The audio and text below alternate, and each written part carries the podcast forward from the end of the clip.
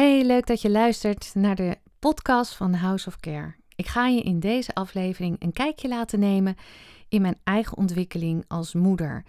Want hoe is het nou om moeder te worden? Om moeder te zijn?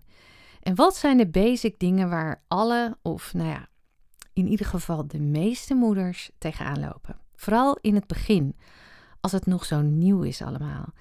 Ik denk namelijk dat we allemaal met veel van dezelfde dingen struggelen en dat het normaal en universeel is.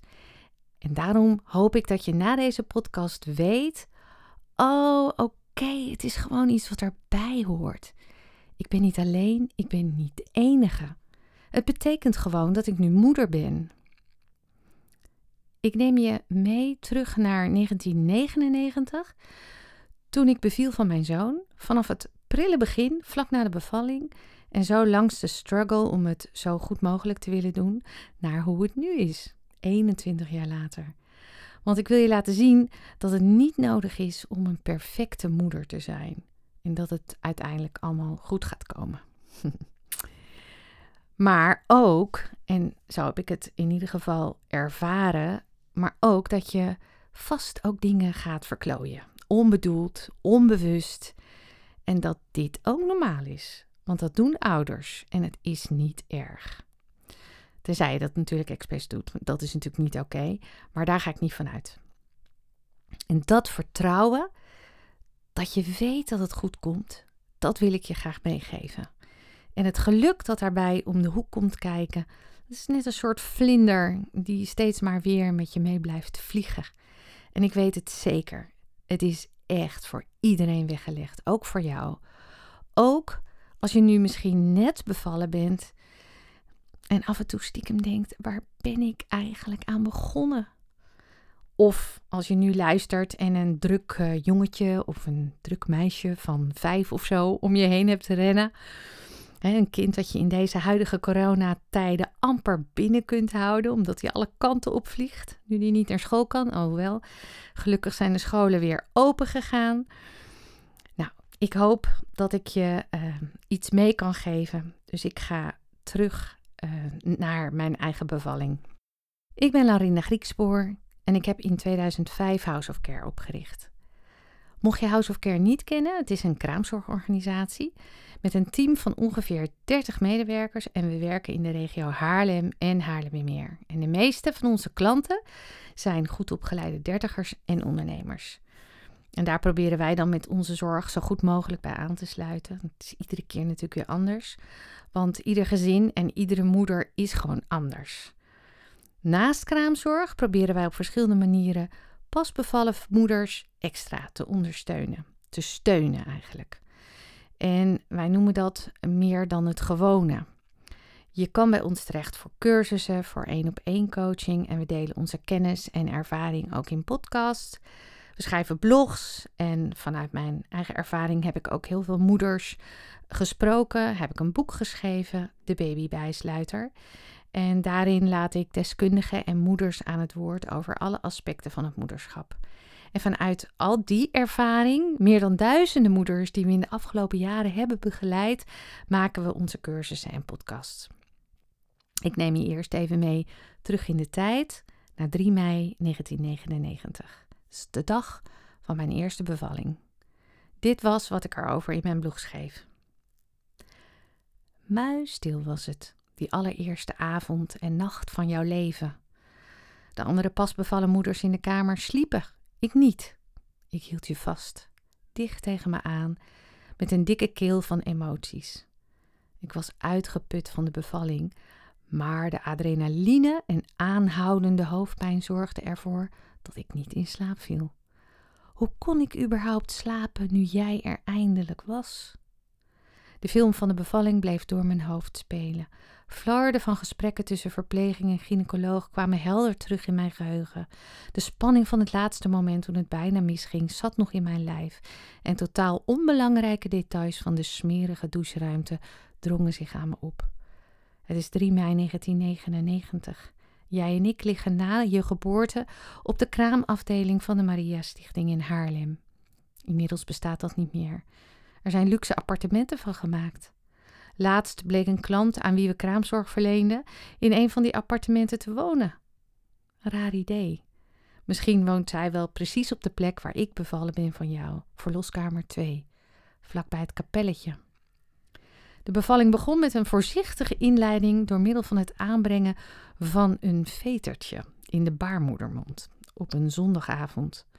Poging 1 mislukte, want hij bleef niet zitten. En poging 2 resulteerde binnen een uur in rugweeën. Na een eenzame nacht met helse rugpijn mocht ik s'morgens even lekker douchen om de bevalling te stimuleren. Ja, lekker douchen onder een straaltje dat eigenlijk meer de beschrijving van druppelende kraan verdiende. In een te kleine aftanse ruimte met viezigheid tussen kapotte tegeltjes en andermans haren in het putje. Nou, niet echt een plek om je bevalling verder op gang te laten komen. Ik werd er alleen maar misselijk van. En ik wed dat die huidige nieuwe luxe appartementen op die plek hippe regendouches hebben. De nacht na de bevalling, die ondanks de pijn of misschien wel juist dankzij een onvergetelijke indruk op mij maakte, lag ik dus te luisteren naar de zachte geluidjes die je maakte. Ik was voortdurend bang dat je misschien zou ophouden met ademhalen. En ik voelde me alles tegelijk. Opgelucht, dankbaar, blij, huilerig, eenzaam, onzeker, trots, gelukkig. De lijst is nog veel langer. En terwijl ik naar je keek en je steeds zachte kusjes op je bolletje gaf, dacht ik: wie zal jij zijn als je straks groot bent? Ik zag beelden voor me van een lange slungel met krullen van een jaar of 18. En ik kon me niet voorstellen dat het kleine, zachte bundeltje mens dat ik in mijn arm hield, op enig moment zou kunnen uitgroeien tot zo'n lange slungel. Terwijl ik je kleine, zachte voetjes vasthield, wist ik dat het eens grote mannenvoeten zouden worden. Maat 44?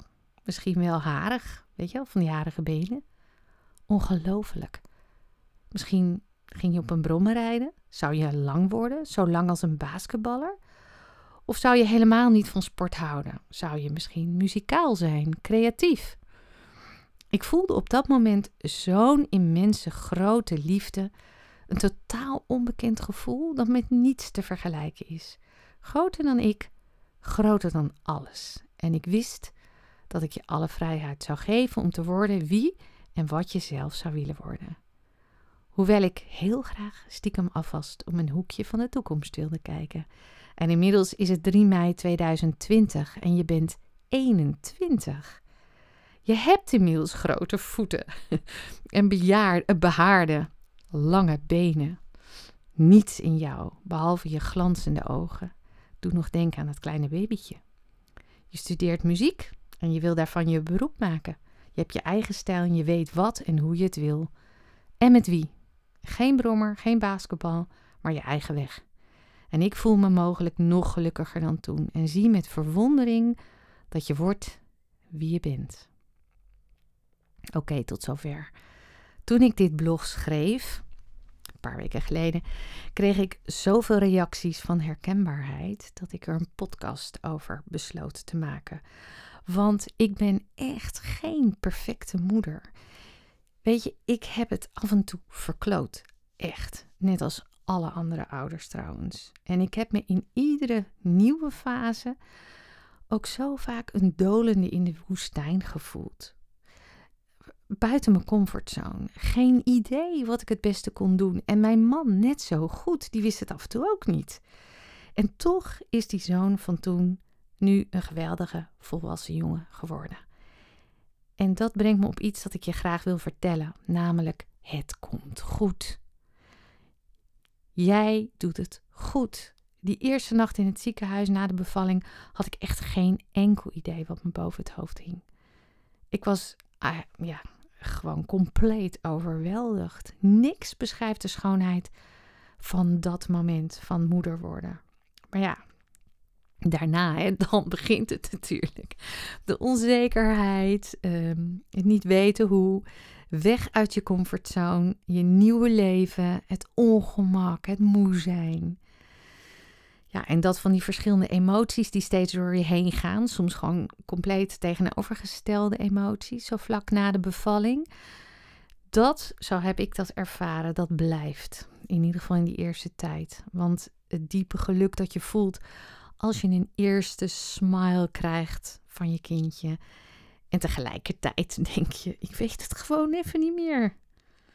Of uh, opluchting als die eindelijk slaapt. En het alomvattende gevoel, jij hoort bij mij voor altijd. Ik, ik moet ineens denken aan die moeder van 40 plus. Uh, ik weet niet precies hoe oud ze was, maar ze was in ieder geval boven de 40. Die beviel van haar eerste kind. En na de bevalling werd de baby meegenomen door een kinderarts.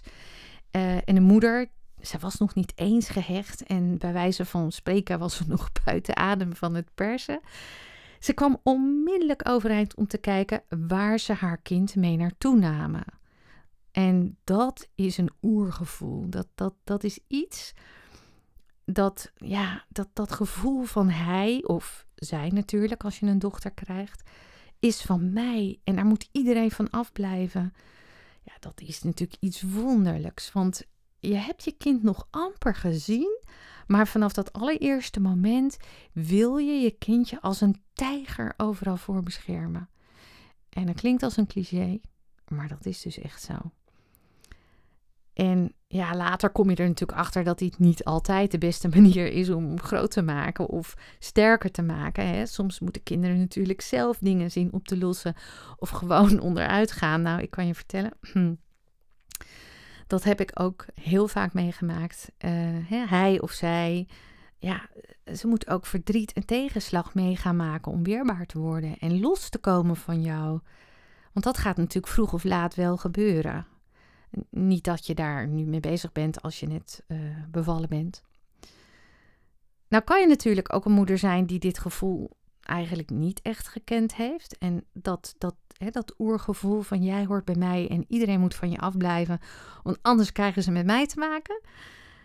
Het kan zijn dat er bijvoorbeeld door de heftigheid van de bevalling bepaalde hormonen zijn of juist even niet zijn. En daardoor dat gevoel verstoren. En ze noemen dat ook wel eens uh, dat je dan uh, meer op een grijze wolk zit in plaats van de roze wolk.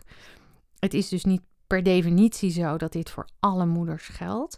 Ik had het wel na mijn bevalling. Maar daarna, weet je, in die maanden daarna, toen ik, uh, ja, toen mijn kindje, uh, toen ik echt voor mijn kindje ging zorgen en dat in volle heftigheid mee ging maken, in die maanden kleurde die wolk echt wel regelmatig van lichtroze naar donkergrijs. En dat is normaal. Want als de kraamverzorgende kraamtijd heeft afgesloten, de kraamzorgtijd, dat is dus die eerste acht tot tien dagen maximaal. En je ineens het gevoel overvalt: oh shit, hé, nu staan we er echt alleen voor. Dat is zo'n ja, fijn, eh, lekker en tegelijkertijd onrustig gevoel. Want het is aan de ene kant dus heerlijk om je huis en je man en kind uh, weer voor je alleen te hebben. Je, kunt, uh, ja, je bent weer met elkaar en onder elkaar. Maar je denkt ook, jemig, kan ik dit wel? Ik ben zo moe. En ik weet nog niet zo goed hoe ik kan zien of hoe ik kan lezen wat hij nou nodig heeft als hij huilt, bijvoorbeeld. Nou, na die tweede week ben je natuurlijk nog moeier en huilt je kindje nog meer. Overigens is dat logisch, maar dat leg ik in een andere podcast nog wel een keertje uit. En ja, weet je, als ik dan toen destijds met mij andere moeders, uh, ja, voor mijn gevoel huppelend door het zonnetje met de kinderwagen naar de bakker zag lopen, dan dacht ik: Hallo, hé, hoe doe je dat? Dat kan niet kloppen. Ik loop op mijn tandvlees en ik loop nog steeds in mijn zwangerschapsbroeken en jij draagt een rokje. En, en je hebt bruine benen en, en hippe sandaaltjes aan. Ja, echt hè. Zo zag ik dat dan. En het stomme is, wij mensen, wij vergelijken. Wij zien iemand in ogenschijnlijk dezelfde situatie en we denken gelijk: oké, zij wel, ik niet. Dat ligt dus aan mij. Een soort 1 en 1 is 2. En dan denk je: ik kan het dus blijkbaar niet. Ik ben de enige die het maar niet lukt om de boel weer een beetje op orde te krijgen, weer een beetje onder controle te krijgen. Ik heb geen grip op mijn dag meer of op mijn dagelijks leven. En smiddags rond lunchtijd, nou ja, ik weet het nog heel goed. Ik, ik was niet gedoucht dan. Uh, en tegelijkertijd uh, was er die hele ochtend gewoon niks uit mijn handen gekomen. En dan hoor je die ene vriendin dit zeggen en de andere, nou ja, die zegt weer dat. Of je moeder begint zich ermee te bemoeien, of nog erger, je schoonmoeder. Ja, en dan dacht ik, oh god, oh god, oh god. Dat heb ik helemaal niet gezien, dat heb ik helemaal niet doorgehad. Dus, nou ja, dan ben ik vast geen goede moeder. Of je denkt, had mijn kind dit al moeten kunnen? Nee, toch? Een soort FOMO, fear of missing out. Het heeft namelijk hetzelfde effect. Ik hoor er niet bij, ik doe het niet goed, ik ben niet goed. Maar wacht eens even, je leven staat op zijn kop. Het is compleet anders dan ervoor. Je moet leren, je moet wennen, je moet je, je weg, je eigen weg daarin vinden. En dat je onzeker bent is helemaal oké, dat is normaal. Hoe saai zou het zijn als je voor het eerst een kind krijgt en hup, alles lukt jou. Je voelt niks nieuws. En voor je het weet, is je kind 21, alles van een leien dakje gegaan. Hmm, het zou toch raar zijn? Dat kan helemaal niet. En los daarvan, dat brengt je ook niks. Want juist dat afzien of dat geploeter, en mm, zo is het echt niet altijd hoor, maar soms voelt dat dus wel zo. Juist dat afzien, dat brengt je ervaring, dat leert je dingen. Dat brengt je meer begrip voor andere moeders. En het leert je te genieten van de momenten dat het wel van een leien dakje gaat. Zoals ik dan eh, een paar weken geleden op de verjaardag van mijn zoon. Nu is voor mij de tijd om te oogsten en te genieten. Maar echt, echt hè. Ik had eergisteren nog een pittige discussie met hem. Het was heel pijnlijk voor mij als moeder. Maar tegelijkertijd is dat waardevol. Omdat ik er, weet je, na mijn aanvankelijke weerstand, want het is gewoon niet leuk om zo'n discussie te hebben, iedereen erbij. Um, ja, ik wilde ervoor openstaan. Dus daardoor werd het waardevol. En ik bedacht me, dit oncomfortabele gevoel, dat komt omdat ik weer iets leer. Het is een soort groeipijn. En dat heb ik heel erg geleerd in deze afgelopen 21 jaar. Dat um, iedere keer als je denkt, ik ken dit niet of dit voelt oncomfortabel, zit je vaak in een groeifase. En ja, weet je, je kunt niet genieten van mooie en goede dingen uh, als je de andere kant van de medaille niet kent en nooit meemaakt en nooit voelt. Heel simpel, uh, hoe fijn is het dat we de winter hebben? Want zo geniet je ook van de zomer en andersom. Juist de tegenstelling maakt het leven eigenlijk interessant. En ik heb geleerd om daarin te durven stappen. Buiten je comfortzone ben je aan het groeien. Nou, misschien heb je wel eens gehoord van neuroplasticiteit. Ehm, vroeger dachten we dat als je eenmaal volwassen was, dan bleven je hersenen gewoon zo en dat kon dan niet meer veranderen. Maar inmiddels weten we dat je hersenen zich wel degelijk kunnen vernieuwen, kunnen veranderen. Uh, en dat doen ze door nieuwe, dat noemen we paadjes aanmaken, nieuwe verbindingen aan te maken. En hoe krijg je nou die nieuwe paadjes, die nieuwe verbindingen? Dat doe je door nieuwe dingen te durven ontdekken, door nieuwe dingen te leren. En daar hoort het moederschap echt bij. Maar als je niet doorhebt dat je daar nog in moet groeien, dan ben je constant aan het vechten. En dan denk je, ik kan het niet. Ik, ik geloof ook niet dat ik het nog leuk vind. Het ligt vast aan mij. Of je gaat denken, waarom heeft niemand me dit verteld? Ben ik de enige die heel vaak even niet meer weet uh, hoe ik het moet aanpakken? Maar juist om je daarin over te geven en te denken dat ik het niet meer weet, betekent dus dat ik in een nieuwe en onbekende fase zit. Dat ik aan het groeien ben als moeder. Dat ik aan het groeien ben als mens. Nieuwe dingen leren, dat ik nieuwe dingen aan het leren ben, waar ik rijker van word, waar ik ervarener uit ga komen. En dat je richting het nieuwe plezier beleven gaat. Uh, het nieuwe comfortabel. En zo groei je als moeder als het ware mee met je kind, iedere fase door. dan kom je op een gegeven moment in de, in de tandjestijd, de peuterpuberteit, ook zoiets. Maar wat dacht je van de basisschooltijd? Hè? dan zijn de vriendjes ineens alles. En dan, uh, nou ja, dan weet jij niet meer van de hoed en de rand uh, van wat er allemaal uh, met en om jouw kind heen gebeurt. En dan krijg je de middelbare schooltijd. Zo mogelijk nog heftiger. Waarin het cruciaal wordt met wie ze omgaan. En dat is vaak ook een tijd waar je echt een heleboel niet meer weet. Maar waarin je leert om de verbinding, dan wel op een hele andere manier dan daarvoor, met je kind te houden.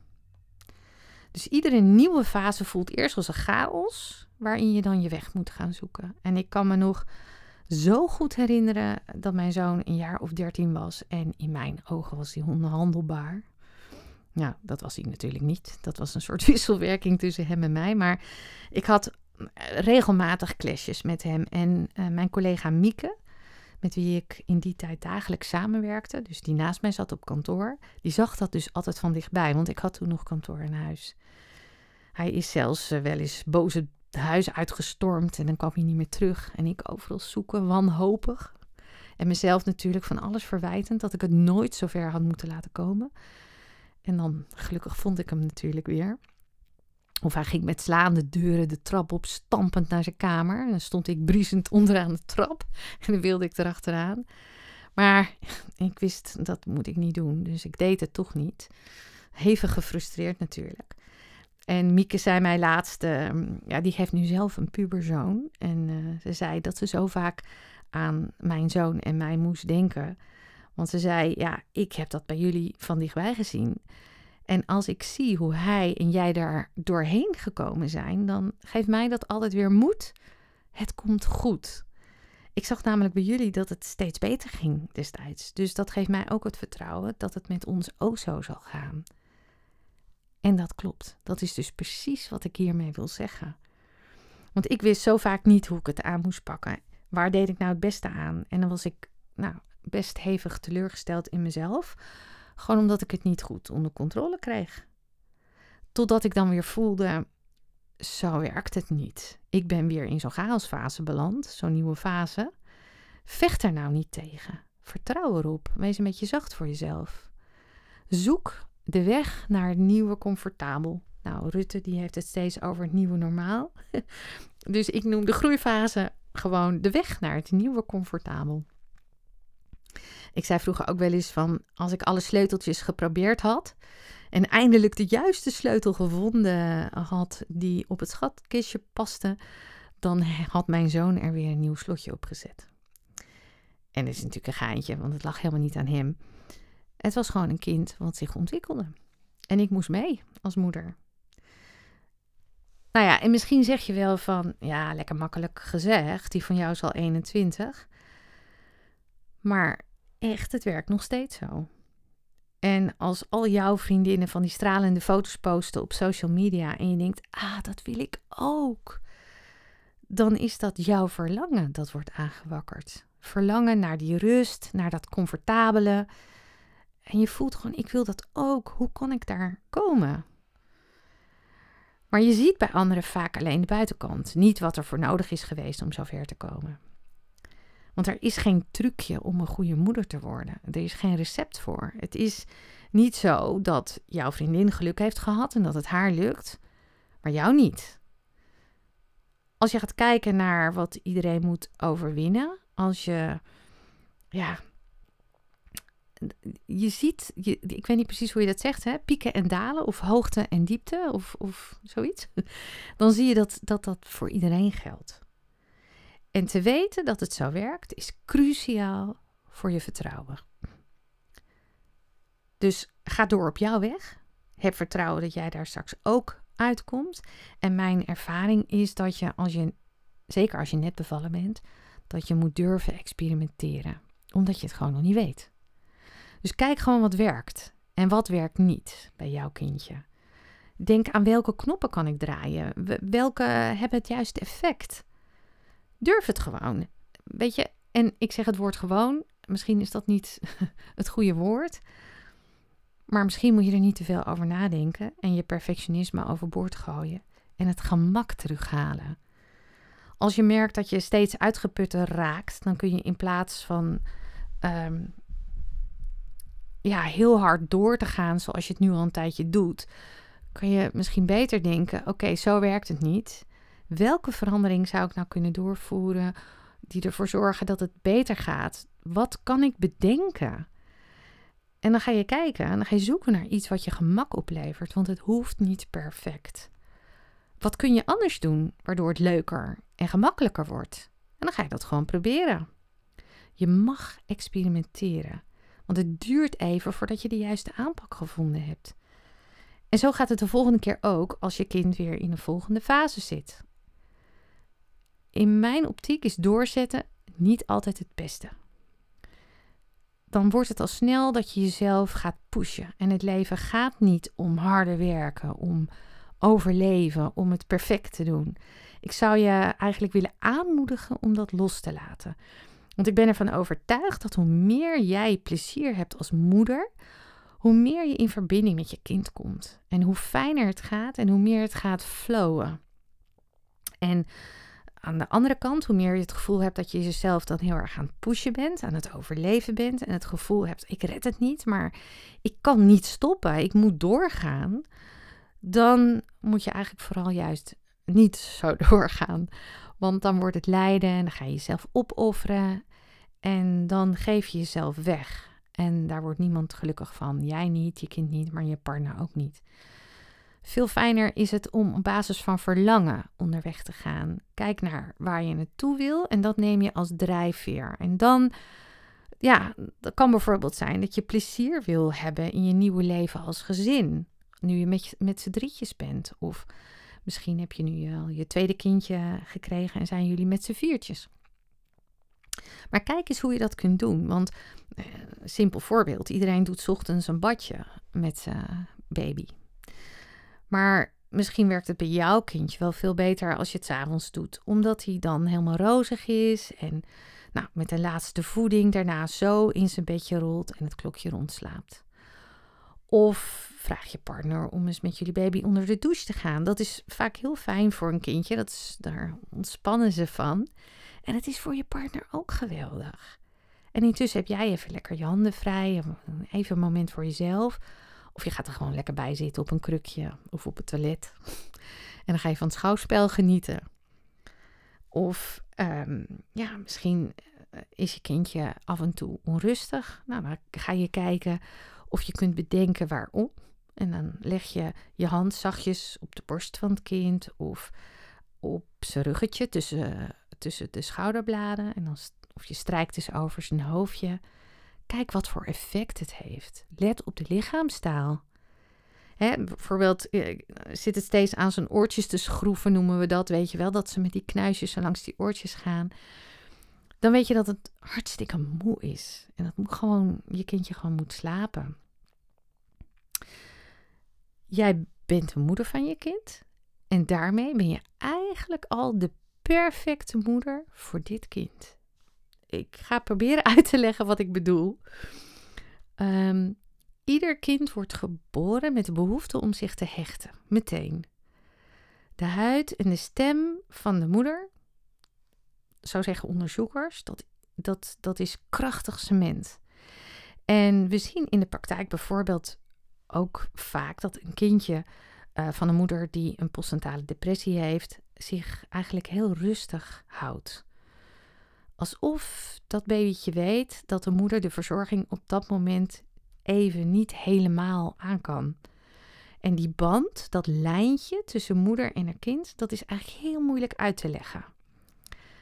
Um, onderzoek toont aan dat baby's al tijdens de zwangerschap beginnen met het opbouwen van die band. Uh, ze reageren op de stem van de moeder. Die hebben ze leren kennen toen ze nog in de buik van, van de moeder zaten.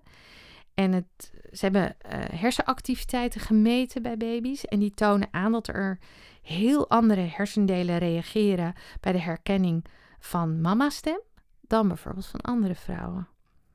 En het blijkt ook, bijvoorbeeld bij de moeder dan weer, dat de amygdala, dat is een deel van de hersenen dat emoties en uh, ook angstreflexen verwerkt. Dus dat die amygdala s'nachts bij de moeder actiever is dan die van de vader als de baby huilt. En overigens schijnt het ook zo te zijn dat over die hechtingen, dat als je zelf de baby niet gebaard hebt, maar bijvoorbeeld als jij je kindje hebt geadopteerd, dat toch die band, dat lijntje, net zo heftig is. Net zo, uh, nee, heftig is niet het goede woord, net zo hecht is. Dus het gaat erom dat de eerste met wie het kindje een affectieve band opbouwt, daardoor een hele sterke connectie ehm, eh, opbouwt. Zowel fysiek, psychologisch als ook mentaal. En daarom zeggen onze kraamverzorgenden ook altijd tegen alle moeders: vertrouw op je gevoel, want dat heeft altijd gelijk. Dus je intuïtie. Jij weet vaak hoe het zit met je kind, zonder dat je het echt kunt weten, zonder dat je precies kunt zeggen wat het is of dat je je vinger erop kunt leggen. Je voelt het gewoon. Dus de natuur heeft het allerbelangrijkste al voor jou geregeld. Je hoeft niet extra je best te doen om goed voor je kindje te zorgen. Want door simpelweg zijn of haar moeder te zijn, doe je het eigenlijk al perfect. Dus laten we er nou eens van uitgaan dat het allemaal al goed is en goed gaat. En je hoeft het niet beter of goed te doen. Als je nou verlangt naar flow, naar plezier of naar geluk, en, en dat het wat makkelijker gaat, dat het wat moeitelozer gaat, en je gaat dus een beetje experimenteren, dan zul je merken dat het leuker wordt. En dan ga je vanzelf ontspannen, meer genieten, je wordt er vanzelf rustiger van. En dan ga je ook zien dat iedere fase weer dingen in zich heeft waar jij van kan genieten. Dus het allerbelangrijkste wat ik zelf geleerd heb in mijn ontwikkeling als moeder en wat ik ook geleerd heb uit nou, de vele moeders die ik gesproken heb, die we begeleid hebben, is vooral het hoort erbij. Het is normaal. Je bent niet de enige. En het gaat je lukken, want het zit al in je. Je kan het, je doet het goed. En hoe meer je daarop vertrouwt, en dat je dus weet dat iedere nieuwe fase weer begint met chaos, hoe chiller het wordt. Het is eigenlijk een soort reis waarbij je onderweg vooral niet moet vergeten van het uitzicht te genieten. Want uh, voordat je het weet, en ik kan het dus weten, ben je op de plaats van bestemming en is jouw kind dus ook 21. Nou, hij woont gelukkig nog thuis en ik kan er iedere dag nog van genieten. Nou, dit is eigenlijk het belangrijkste wat ik jullie wilde laten weten. Het vertrouwen mee te geven um, dat het goed komt, dat je het kan. En um, ja, super leuk dat je erbij was. Bedankt voor het luisteren. En ik hoop dat ik je moed heb gegeven door mijn inzichten met je te delen. Ik zou het te gek vinden als je een review wil achterlaten of dat je ons een berichtje wil sturen. Of als je wil laten weten wat je eraan gehad hebt. Of als je een screenshot maakt terwijl je zit te luisteren en die bijvoorbeeld op Instagram zet en ons. Um, ja, weet je, dat is geweldig, omdat we zo uh, meer mensen onze podcast um, kunnen laten horen en we meer moeders en vaders wellicht kunnen bereiken die er iets aan zouden kunnen hebben. Was dit de eerste keer dat je iets van ons hoorde of naar onze podcast luisterde? Ga dan naar houseofcare.nl om meer over ons te lezen of volg ons op houseofcare underscore op Instagram. Tot een volgende keer.